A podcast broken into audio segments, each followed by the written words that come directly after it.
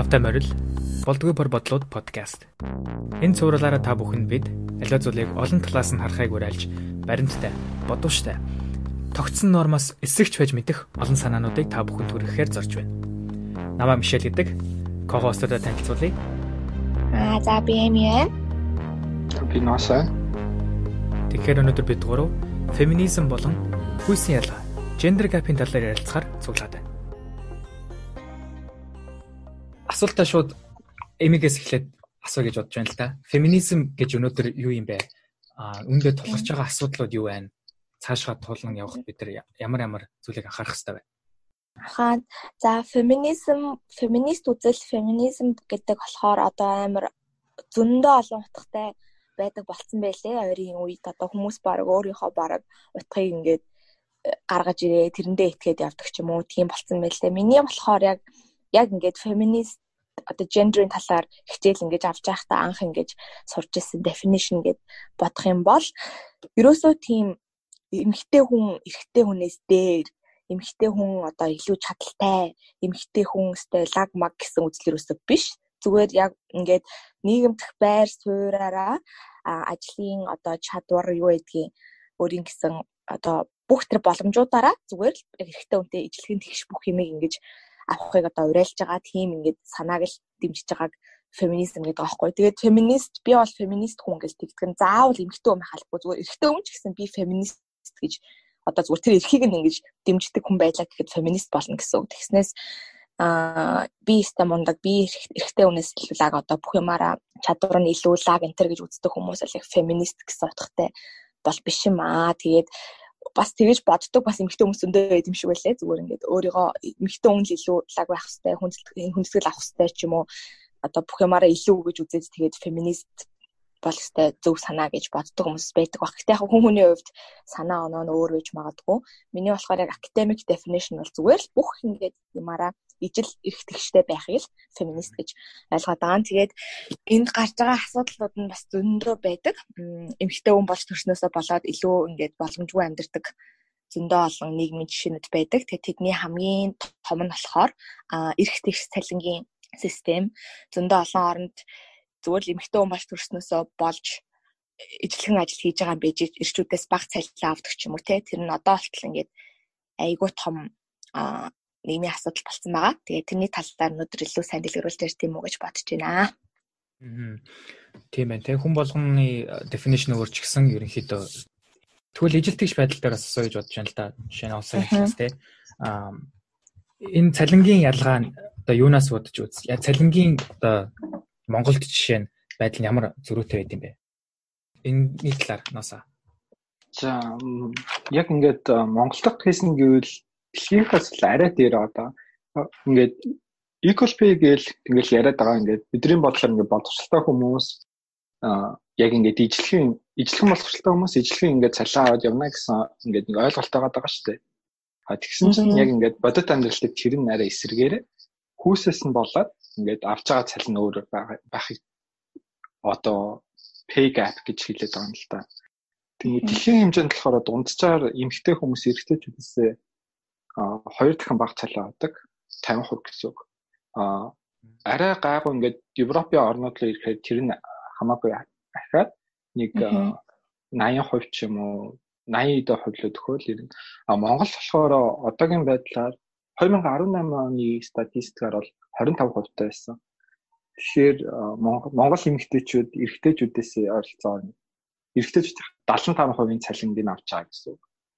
Тэгэхээр энэ асуудлыг энэ гэхдээ яг ингээд хүмүүс юу яаж магадгүй контр аргумент хийж магадгүй ингээд угаасаа эрэгтэйчүүд нь өндөр албан тушаалт байгаа юм чи ингээд цалингийн зөрүүг нэгсгэж байгаа юм шиг гэсэн чинь. Үгүй энэ нөгөө яг ижлэхэн позишн дээр байгаа ижлэхэн албан тушаал дээр байгаа хүмүүсийн хоорондох зөрөө нь 25%. Аха. Эмигийн бодлоор. Тийм тийм ер нь одоо бас тэр л одоо одоо гол асуудал энэ ихгүй яагаад ингээд ижилхэн одоо төвшний боловсралтай ижилхэн хугацаанд ингээд суралцсан тэгснээ айгуу ижилхэн чадвартай тийм байхт чинь ингээд эмхтэй эрэхтэй гэсэн одоо тэр хүйс дээр нь бейст хийж цалингийн ингэж өөр өгöd байгаа юм бэ? Гэх тэгэхээр яалтчгүй ингээд эмхтэй нөгөө нэг хүүхэд гаргадаг нь одоо эмэгтэй хүмүүсийн л тавилан болохоор одоо тэрнээсээ болоод ирээдүйд их хүн болоод ээж болоод тэгээ яваад тэгээ хүүхдүүдтэй одоо гаргах цаг нь мэдээж одоо байх ёстой учраас тодорхой хэмжээгээр тэр одоо газрын компани ч юм уу одоо тэр ажлынхаа байр сууринд эрэгтэй хүн шиг том одоо орон зай эзэлж чадахгүй эрэгтэй хүн шиг илүү их цаг зарцуулж чадахгүй гэдгийг нь харилцаж үзээд илүү богино цагаар ажиллаулдаг эсвэл илүү ингээд том алтан тушаалд оруулдаггүй тийм байгаа. Тэгээ тэгээд тэрнээсээ болоод тодорхой хэмжээний өөр өөр цалин аавна. Тэгээ тэрнийхэн гол нь gap нь бүр ингээд хэтэрхий том болоод ирэхээр хүйсийн асуудал явчих жоохгүй. Тэгээд энийг феминизм ингэж болгоод тэгээд байгаа. Тэгээд гол нь энэний эсрэг тэмцэж байгаа бас орнууд зөндөө байдаг. Энийг аюул сайн ойлгодог. Зөв эмхтэн хүн хүүхэд төрүүлдэг эмхтэн хүн учраас л ингэж одоо цалингийнхан зөрөөг ингэж амар том гаргаж болохгүй. Энийг нэг ойлгох ёстой гэсэн ингээд компани policy-нууд ч байдаг. Тэгээд би болохоор яг энэний тал дээр gender global gender gap index гэдэг 2020 оны судалгаагаар гарсан яг тэрийг нь бол харсан. Тэгээд би одоо Японд байдаг учраас бас Япон бол gender equality-гаараа бас энэ gender gap-аараа бүр дэлхийд бүр маш доогуур ордог. Тэгээд угаасаа орсоорч ирсэн. Тэгээд ер нь бол дээрдэг үл бэлээ. Тэгээ бүр нийт одоо 153 орны судалгаа байгаа байхгүй юу? Тэгж яхад Япон 121-т байгаа байхгүй юу? Доороос бүр. Тэгээд тэгж яхад Монгол 79-т байгаа. За Японоос арай гайгүй байгаа. Гэтэ бас харьцангуй доогуур. Тэнгүүт ингээд дандаа эхний тавд орж байгаа онууд нь бол дандаа тийм Европ орнууд. Айсландын жишээ байна л та. Айсланд бол сүүлийн 10 жил дандаа нэгт орж байгаа юм байна. Бүх юмараа одоо тэр gender equality-гаараа pay gap зэрэг бүгднгээр нь тэгээ хоёрт Норвег гуравт Финланд гэл дөрөвт Свизерланд энэ төр тэгээ явж байгаа байхгүй. Тэгэнгүүт яалтчгүй энэ би бас энийг сайн ойлгохдаггүйсэн. Яг яагаад ингэж өөр цалин өгдөг. Яасан гэж одоо жишээ нь за зөвхөн одоо сайн ажил одоо эрэгтэй хүн шиг олон цагаар ажиллаж чадахгүй байлгаад одоо ингэж байгаа бас тэрэндээ бас биш юм шиг байгаа. Яг ингээд ямар role хэдэн эмэгтэй хүн байна гэдгээс шалтгаалж бас энэ gender gap амар гарч ирд юм бэлээ. За тэгээд яг Финланд улсыг харахад яг парламентийнх нь мембрийнх нь 47% нь эмэгтэй хүмүүс байдаг гэж байгаа байхгүй юу? Вау, окей. Тийм, тийм болчхороо ингээд амар gender gap-араа өндөрт зүгээр амар эрэх тэгш орон бол явчихж байгаа байхгүй юу?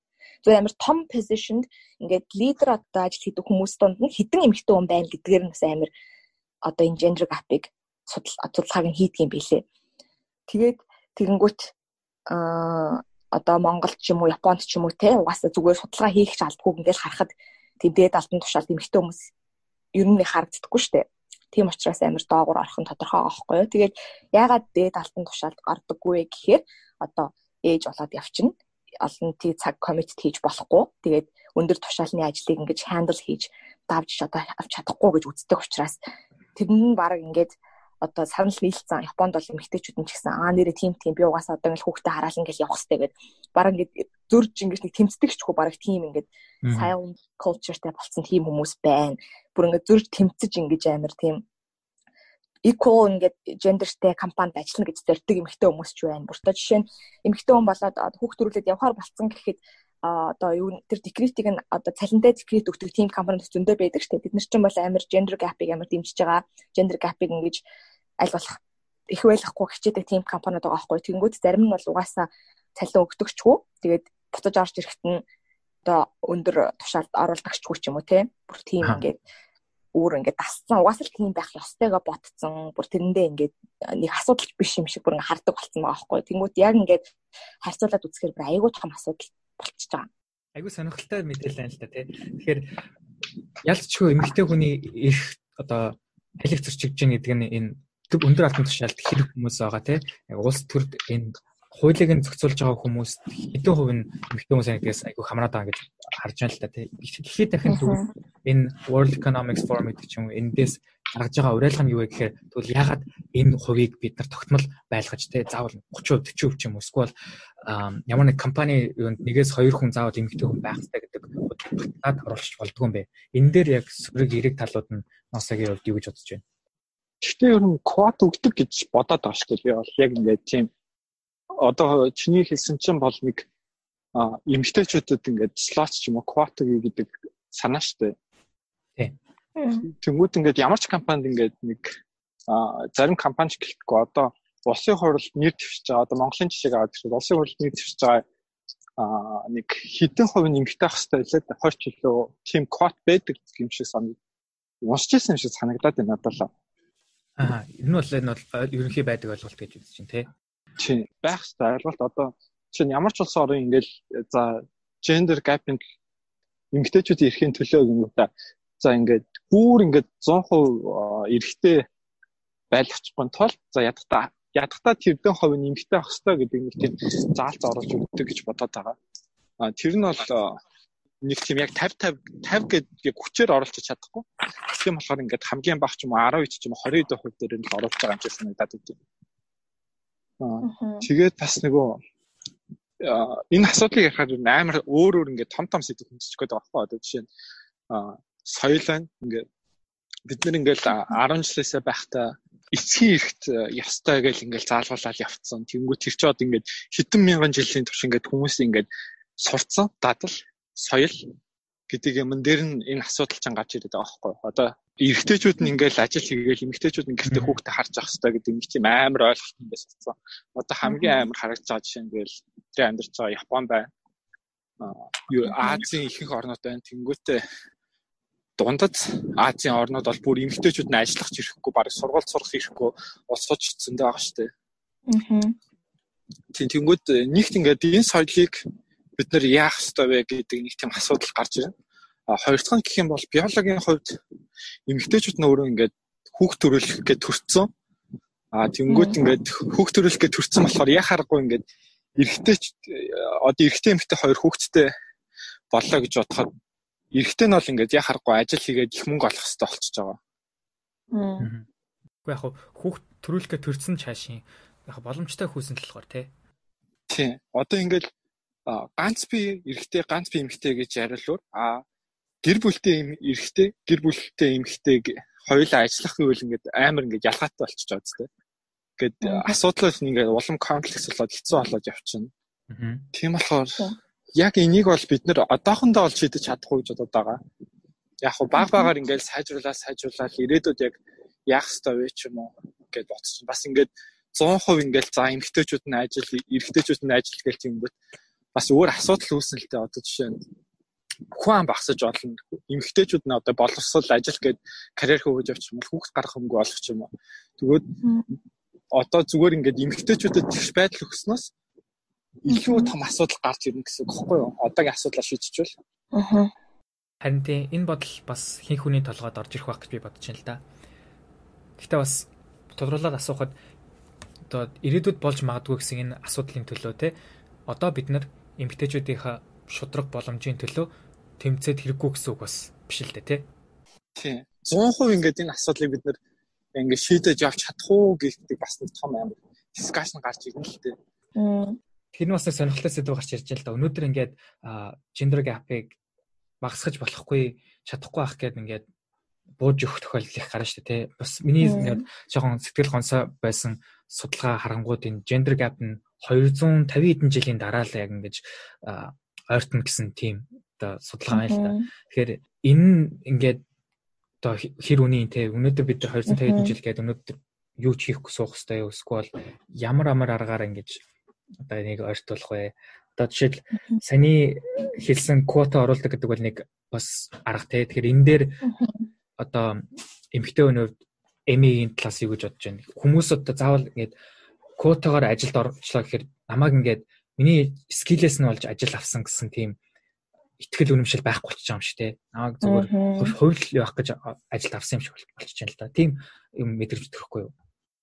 Тийм ер нь бол одоо яагаад ижилхэн хичээж ижилхэн сурж ижилхэн одоо бүх юмараа одоо ижилхэн баг ингэж үнцэнтэй үр дүн гаргаж чадхаар тийм хүн байж иж ингээд юунасаа болж гендерсаа болж өөр өөр ингээд байршилт ажилд ингэж очиж байгаа юм бэ гэхээр угаасаа эмэгтэйчүүд бол тэрийг айгүй тийм are you хийхээр хүмүүс л байгаа. Одоо just муухаштай болохгүй штэ гэж бодож байгаа тийм хүмүүс бол байгаа. Гэхдээ ихэнх нь хараа одоо саяны дээр хэлсэнчлэн баг тэр нь ч одоо зүг байх таа ч юм уу ингэж хийж угаасаа гэртх одоо тэр ажиллаач ажлынхаа ажилдаа ингэж хослооч ингэж явж чадна да гэж одоо спорт хийсэн бүр спорт ингэж болтол нь ойлголцсон тим нийгэм байгаад байгаа байхгүй юу. Тэнгүүт яг ингэж одоо жишээ нь энийг ингээд болиулах хэвээр аргууд нь гэхээр судалж үзсэн чинь аа зөндөө олон одоо ингээд юм хийх хэвээр байгаа байхгүй компаниудын цаанаасаа. Equal pay for equal value гэж байгаа байхгүй яг ингээд ямар үнцэнтэй ажил байгаагаас нь шалтгаалаад ижилхэн үнцэнтэй ингээд цалин өгөх ёстой гэсэн ингээд equal pay стандарт ингэж байгуулдаг ингээд компаниуд байгууллагууд дэлхийд даяар бас нэмэгдэж байгаа юм байлээ. Тэгээд жил болгон одоо жишээ нь цалингийнхаа ингэж зөрөөг гаргаж одоо статистик гаргаж ингэж паблик ингэж хүмүүс танилцуулдаг. Тийм байх юм бол одоо ямар байгаа вэ гэдгийг ингэж харуулдаг одоо бусдад одоо манайх жилд тийм тийм ингээд employees хэдэн ийм хүнтэй тэрний хэдэн хувь нь эмэгтэй хэдэн хувь нь эрэгтэй гэдгснээ тэдний ийм цалин авж байгаа эрэгтэйчүүд ийм цалин авж байгаа. Тэгээд зөрөө нэг иймэрхүү байна ч юм уу? Эсвэл ингээ огт зөрөө алга байна гэдгийг ингэж харуулж бусдад танилцуулж тэгж чадж байгаа бол ингээд бас team компаниудад ингээд юу өгдөг болсон мөлий аа certification. Одоо ингээд нэг equal pay хийдэг одоо team certification юм байна. Одоо сертификат өгөхөөр team компани юм байна гэж тэгээ яах гот одоо компанийхаа нэр хүнд нь ингэж өсдөг ч юм уу те. Эсвэл ингээд бас ажилчдынх нь ингэж аа сэтгэл ханамж нь ингэж өсдөг. Team нод одоо бүр ингээ өссөн. Тэгээ яг тэрний төлөө одоо үн цэнийг одоо бүтээхийн тулд ижил хэрэгтэй гэж бүтээхийн тулд бас тэгэж ажиллаж байгаа газрууд бол зөндөө байгаа. Гэхдээ саяны хэлсэнчлэн одоо 250 жил болж магадгүй тэгвэл үнэн бохгүй. Яагаад тэгэхээр одоо өвөг дээцээсээ гэж хэлэх үү яг одоо эртээр үеэс нүг ингээд ирсэн асуудал учраас энэ бол тэ шууд ингээд айгүй тийм хэдхэн жил болоод өөрчлөгдөж шууд амар том өөрчлөгдөж болно гэсэн үг биш л дээ. Энэ зүгээр бас ганц нэг тийм цалингийн бас асуудал биш энэ чинь бүр итгэд үнэмшил бүр ингээд тэр чигээр ингээд нийгмийн одоо бүр ингээд тийм характерын ийм асуудал болцсон байгаа болохоор энэ тийм юм бол өөрчлөлт гэдэг бол мэдээж тодорхой хэмжээний цаг амар ордог. Тэгээд энэ болохоор яг хаанаас анх ингээд эхэлсэн бэ гэхээр та нар өөрснөө first wave, second wave, third wave feminism гэж сонсч ирсэн үү? Яг сонсч байгаагүй юм. Аа. Сонсч байгаагүй. Америкт одоо болж исэн theory аахгүй юу? Онлын талаар л та. Америкт болохоор feminism болохоор ингээд first wave нь гурван давлгаатай байсан гэж үзэж байгаа яг анх эхэлсэн үе нь болохоор тэнгууд ингээд first wave нь болохоор одоо 19-р зууны сүүл үеэр эхэлжсэн байгаа. political equality-гийн талаар одоо улс төрийн одоо эрх тэгшийн талаар тэр нь юу гэсэн үг вэ гэхээр тэр үед бол эмэгтэйчүүд улс төрд орох эрхгүй байсан. Улс төрд ингээд саналаа өгөх эрхгүй байсан. Ингээд хин ингэж бидний өдөрч болохгүй гэдэг чинь ямар ч тийм эрх байхгүй. Тэр нь одоо decision хийх ямар ч эрх байхгүй гэсэн үг болчихж байгаа байхгүй юу. Ингээд хүн юм бэж, ижлэхэн ингээд хүн юм бэж, эрэгтэй хүмүүс нь л бүх шийдвэрийг нь гаргадаг байсан үе гэж байгаа. Тэгээд тэнгуү тэрний эсрэг тэмцэжсэн үе нь болохоор 19 дугаар зууны сүүлээр эхлээд тэгээд аа 1960-аад онд эрхээ авсан гэж байгаа байхгүй. Тэгээ political equality эрхээ авангуудаа second wave нь орж ирж байгаа. Хоёрдугаар давлгаа нь болохоор аа одоо нэг ажлын эрх болоод хэлж байгаа. Яг ямар ажил хийж болдог болох юм хэмтэй хүмүүс ямар позишнд очиж болдог болохын тал дээр одоо яаж байгаа. Тэгэхгүй бол эмэгтэй хүн гэртээ суугаад хүүхдээ л хараад гэрэл цэвэрлээд тийм тэрэл эмэгтэй хүний ажиллаа гэж итгэдэг байсан үе ихгүй нэг бүр тэр чигээрээ. Ямар ч өөр ажил бол угаасаа хийж чадахгүй, хийж болохгүй гэд итгүүлсэн. Тэнгүүт эмэгтэй хүмүүс чинь нэг харин ч одоо нөгөө эрэгтэй эрэгтэйчүүдээс илүү ингээд баг education дээр аваад хэлээд тэгээд өөрийгөө skill энэ төр ингээд суулгаад эхлэнгүүт яахлаараа би хийж чаддгүй юм гэсэн санаа орж ирээ. Тэрнийхээ одоо тэр эрхийнхаа төлөө ингэж тэмцэж ирж байгаа. Тэрийг нь болохоор хоёр дахь wave, second wave гэж байгаа байхгүй юу? 1960-аас 70-аад онд эхэлж исэн. Тэнгүүс сүүлийнх нь wave болохоор third wave нь болохоор одоо ингээд бидний саний ингээд яриад байгаа нийгмийн тэр хандлага яг feminist, feminism одоо юу юм бэ? Аа одоо эмэгтэй хүн эрэгтэй хүнээс одоо бүх юмараа муу гэсэн үг юм уу? Одоо яасан үг юм бэ? Одоо тэр ингээд нийгмийн одоо тэр хандлагыг ингээд өөрчлөх. Одоо ингээд third wave feminism бол яг үндэ одоо болтол үргэлжлэл байгаа байхгүй юу? Тэгээд бүр цаашаага одоо жишээ нь gender pay gap энэ төр болоо явчихж байгаа байхгүй. Тэгээд power harassment энэ төр гээд sexual harassment энэ төр болоо явчихж байгаа. Бүр болоо том том одоо феминизмын ишинүүд гаргаж ирээд тэгээд child marriage энэ төр гэлтэй хүүхдүүдийн одоо амар дэлхийд одоо өөр юу юу гэдэг үстэй хэдэн оронд 18 наснаас хүрээгүй ээжиж гэрэлж байгаа одоо хүмүүс бүр айгүй их байна, охтууд байна. Тэгээд тэр нь болохоор early pregnancy ингээд эрт жирэмслүүлнэ. Тэгээд эрт жирэмслүүлж байгаа болохоор хичээл сургуульд явж чадахгүй, тэгээд аялаж чадахгүй, тийм opportunity ингээд боловж байгаа байхгүй юу? Тэгэхээр а 650 сая хүн гэж байна. Дэлхийд даяар нийт 650 сая охид болон эмэгтэйчүүд 18 хүрэхээс өмнө гэрэлж байна гэж байгаа байхгүй юу? Вау. Өдийг хүртэл. Тэгэхээр одоо олч бүр тийм ингэ явагдаж байгаа нь асуудал. Энэ бол угаасаа энэ их тоог одоо сүүлийн одоо бараг 5 жилд ч 10 жилд ч шууд ингээд багасгаад болиулна гэдэг чинь асар том өөр ингээд хандлага, чиг хандлага шаардж байгаа байхгүй дэлхийд даяар бүх ингээд хүмүүст ойлгуулж бүх хүмүүст ингэж тайлбарлаж эн чинь л асуудал шүү гэж харуулах нэгт амар хэцүү хоёрт бас амар цаг авна. Тэгтээ бол орон орон өөр өөрсдийнхөө одоо тэр хэмжээндээ баг багаар одоо арга хэмжээ бол авч л байгаа. Тэгээ тэрийг бас проблем биш мөн гэж харах бас тэр үнцэг бас амар чухал байгаа байхгүй юу? Тийм байна. Тэгээд Монголд ч гэсэн одоо жишээ нь эмэгтэйчүүдийн нийт эмэгтэй хүмүүсийн 70% нь ихтэй боловсрол эзэмссэн хүмүүс байдаг гэж байгаа байхгүй юу? Тэгэл бүр яг одоо жишээ нь одоо одоо инженер гэл одоо ихтэй хүмүүсийн хийдэг ажлын талаар ч гэсэн ингээд мэрэгжил эзэмссэн адилхан ингээд чадвартай байж иж одоо ирээдүйд хүүхд гаргаа явчих болохоор ч юм уу эсвэл ингээд декрет аваад явчих болохоор илүү бага цагаар ажиллах болохоор гээд шууд ингээд бага цалин өгөөд ингээд яваад хахаар энэ яалтчгүй угаасаа асуудал болчихж байгаа байхгүй. Тэгэнгүүт аа за за энэ чинь асуудал биш ч юм уу одоо тэгээд бүр ингээд ойлгоочдаг тийм нийгэм одоо компани авах юм бол эргүүлж одоо тэрний төлөө тэмцэхчгүй тэгэл явааддаг. Тэгээд дараа нь ингээд судалгааг нь хийгээд үзэхээр бүр асар том зөрүүтэй амьдэрдэг байгаа. Мөнгө төгрөг одоо цалингийн хэмжээнд. Тэгэхээр мэдээж бас тэр чин зөндөө олон эдийн засгийн бас асуудал энэ төр болоод цаашаа явах л та. Ааха. Тэгэхээр энэ сонирхолтой ойлголттой 70% одоо эдээ бросол эзэмсэн хүм эмэгтэйчүүд байгаа хэрнээ. Нийтээр нь харахаар 20% 30-аас тийм 30% орчим баг цалин аваад идэг нь үнэхээр айгу сонин ойлголт талаараа.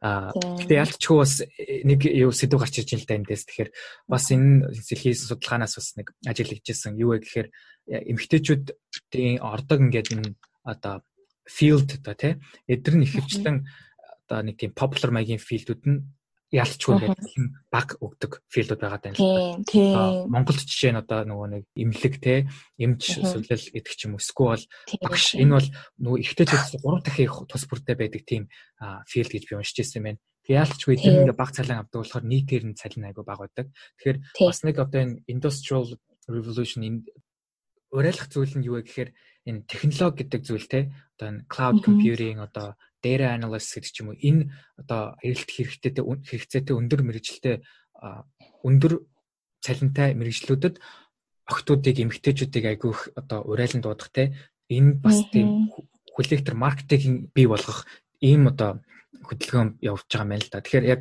одоо бидний зүгээс бас ирээдүйдээ хойч үедээ бас нэг хийх болох зүйл нь энэ энэ филдүүдэд энэ сайхан ихч нар чинь ийм амжилт амжилттай ийм өндөр боловсралтай явж байгаа гэдэг рол моделийг гаргаж өгч чадвал энэ одоо саяны хэлсэн тэр 250 хэдэн жил гэдэг зүйлийг ч гэсэн тэ багасгах бас нэг хувь нэмэр те. Аа гэхдээ бас бүдрэгээр харж болохгүй 250 хэдэн жил гэдэг нь нодлон жил гэхэд 210 хэдэн жил байсан одоо өнөө жил гэхэд 250 яг нэг индексэнд нэг хэдэн хувийн л жоохон өөрчлөлт ороход л ингээд тоон айгүйх маш их хэлбэлцэж идэг зүйл тэгэхээр энэ бүрийг өөдрөгөөр харж те 250 хэдэн жил биш бас илүү богино хугацаанд бас тэнцүү эргэжтэй байдал хүрэх бах гэдэгт би бас итгэж байна. Бас нэг одоо алхам тутам бүрдээ бид нарт өөрсдөө сануулгах хэрэгтэй зүйл нь одоо энэ gender gap хамгийн том асуудал бол sexual harassment те бэлгийн дарамт. Энэ сэдвийг бас хүндэхгүй бол болохгүй гэж бодож байна л да ялтчихв. Тэгэхээр энэ дээр та хоёрын бодол юу вэ? За амигаас эхэл. За энэ нь болохоор цаашаага бүр ингээд евро саний тэр хэлээдсэн third wave feminism-ийн асуудал хгүй одоо нийгмийн асуудал болчих жоох хгүй тэр чигээрээ. Зүгээр яг эмэгтэй хүн болж төрснөөсөө одоо илүү нэг тийм юуго одоо sexual harassment гэдгээс илүү бас зөндөө олон өөр төрлийн harassment байдаг л да дотор нь. Power harassment verbal harassment энэ төр гэл. Тэгэл бүр амар аа бүх газар л одоо бараг ингэж яг тодорхой статистикийн энэ төр мэдэхгүй ч гэсэн Монголд ч гэсэн одоо ингээл хүмүүсийн ажлын одоо тэр байгууллагын одоо тэр уулзалт орчин ажлын орчин одоо хүмүүсийн талаар ингээл асуудлууд юу байна гэж сонсохоор яалтчгүй. Дээд одоо албаны тушаалтай хүмүүс нь ямар нэгэн harassment одоо үзүүлэлээ гэж бодох хитэ үнд ямар ч одоо хүч чадалгүй гэж одоо үзэж байгаа гэсэн үг байхгүй одоо доод одоо нэгт бол доод төвшөнд ажилдаг өөрөөс нь хоёрт эмгтэй хүн учраас өөрөөс нь бүх юмараа одоо нэг тийм жоохон сул дорой гэж үздэг учраас а ямар нэгэн байдлаар хараас үзүүлсэн ч болно. Эргүүлээд одоо ямар ч тийм шийтгэл энэ авахгүй. Тэр нь бол зүгээр гээд ботцсон тийм хүмүүс тэр нь болохоор ингээд нэг ямар ч тийм gender gender-ийн ихтгэшийн талаар ямар ч мэдлэггүй боловсралгүй бөгөөд бас тийм тэрнийг ингэж хүндэлдэг хүмүүс ингэж гаргадаг үйлдэл гэж бол боддог би тэрийг. Тэнгүүт бас ингээд тэр harassment ингээ өгцсөн хүмүүс нь бас ингээд өөрийгөө өмөрч fight back хийдэг хүмүүсээс айгүй ховор. Тэгэд энийг болохоор ингээ яг зүгээр академик ингээ хэллэгээр хичээлд ингээ заах та silent culture гэж заадаг юм лээ. Ингээ гендрийн хичээлийн ингээ тийм авч үзэж хахад silent culture нь ингээ бүр одоо чимээгүй соёл гэсэн үг шүү дээ. Бүх ингээд оронд баг ингэж байдаг харагддаг. Тэр нэг юу гэсэн үг вэ гэхээр өөрийнх нь буруу гэж үздэг. Одоо хүн ингээд хараас игээд тахт чинь ичдэг тэрнээсээ одоо өөр ямар нэгэн гим хийсэн юм шиг. Тэгээд тийм болохоор бусд хүмүүст ингэж хэлэх нь буруу гэж боддог. Тэрнээсээ санаа зовоод ичээд тэгээ хоёр дугаасаа ямар ч тийм туслаад дэмжиэд энийг боловчхон гэж байхгүй. Гуравт ажилласаа халагдана гэж айдаг ч юм уу те. Тэгсээр байгаад ингээд silent culture болоод ангууд тэр асуудал ингээ улам ингээд окей юм шиг санагддаг болчиход тэр harass гэдэг хүмүүст нь тэгээ өргөжлүүлээл гэдэг гэсэн үг тэрийг. Тэгээ засахгүй.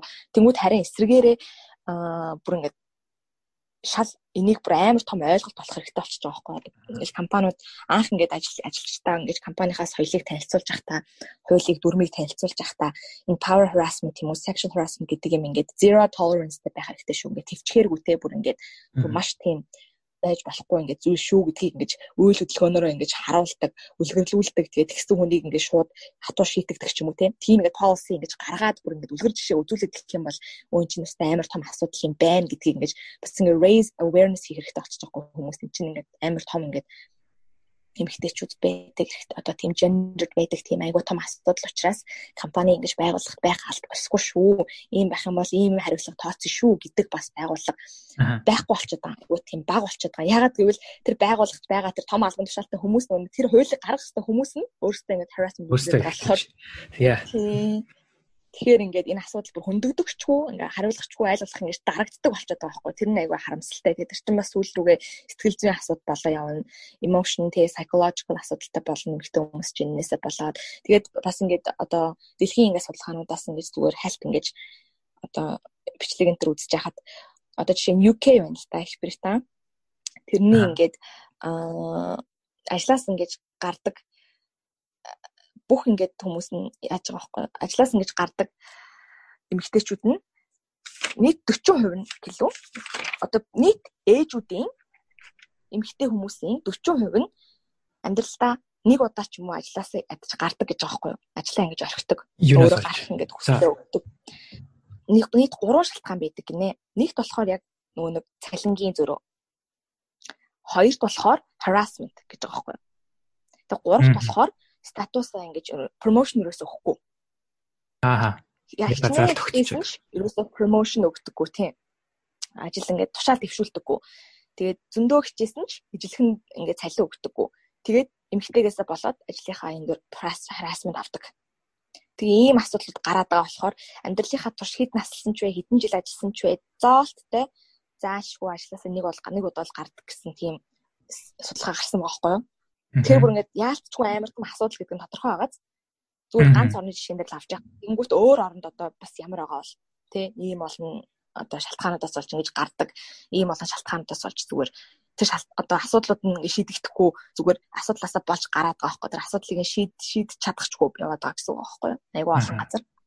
Тэгэхээр бас амар том юм тэгэхээр асуудал. Тэгээд энэний эсрэг зүгээр ингэж бүр ингэж компани policy мэд шинээр ингэж апдейтлэгдээд гарч ирээд тэгээд зөндөө олон ер нь хийж болох юм байна. Гэхдээ тэрийг ингэж амар тийм хэрэгжүүлээд явах тийм ингээд одоо сэтгэхүйтэй энэ феминизмыг ингэж дэмждэг тийм эрэгтэй ингээд за үнэхээр одоо компанийн захирлууд нь эрэгтэй хүмүүс чадвараач тэр ингээд experience тэр ингээд байлаг ажиллах тэр хүн ингээд феминистийн үзлийг ойлгодог хүнддэг байх юм бол ажил дотор тийм амар том harassment-ийн issue энэ гарахгүй байхгүй юу?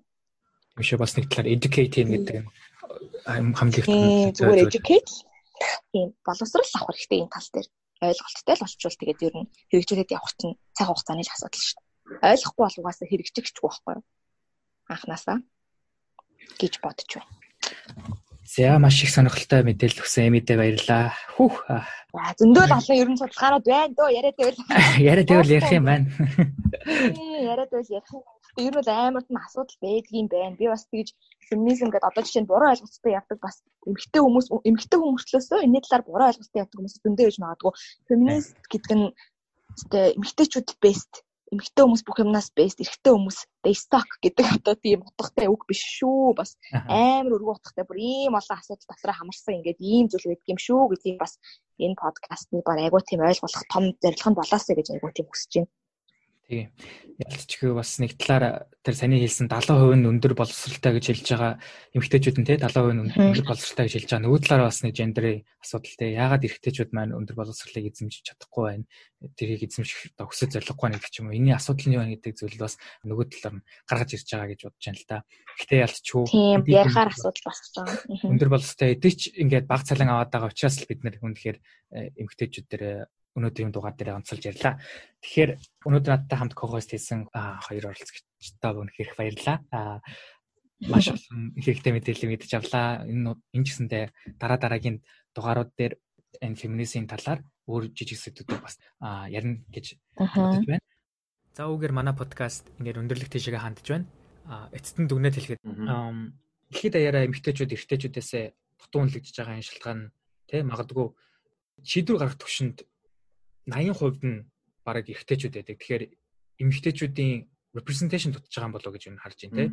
Тэгэхээр ийм ч учраас ерөнхийдөө хэрвээ та шийдвэр гаргах төвшөнд байгаа бол одоо компани төвшөнтэй эсвэл одоо улс төр гэх юм уу квота тогтоох гэх хичээний эсвэл жинсийн декрет болох тий энэ мэтэр ингээд эерэг полисинуудыг судалж хэрэгжүүлээсэ гэж хүсэж байна л да. Ингэснээрээ эмэгтэйчүүдийн representation нэмэгдэж улам илүү одоо эерэг цикл циклын үргэлжлэх байх гэж би бид нар харж байна. Тэгээд үүнээс гадна хүн бүр феминизмын талаар ойлголттой болоос хүн бүртэй а хоорондоо мэдлэг санаа оноогоо солилцдог тийм одоо нийгэм Монголд үүсэсэ гэж бид нэр хүсэж байна. За тэгээд бидэнтэй хамт сууж болдог болдоггүй бүх бодлоотой хуваалцсан сонсогчдод их баярлалаа дараагийн дугаараар уулзлаа. Түр баяртай.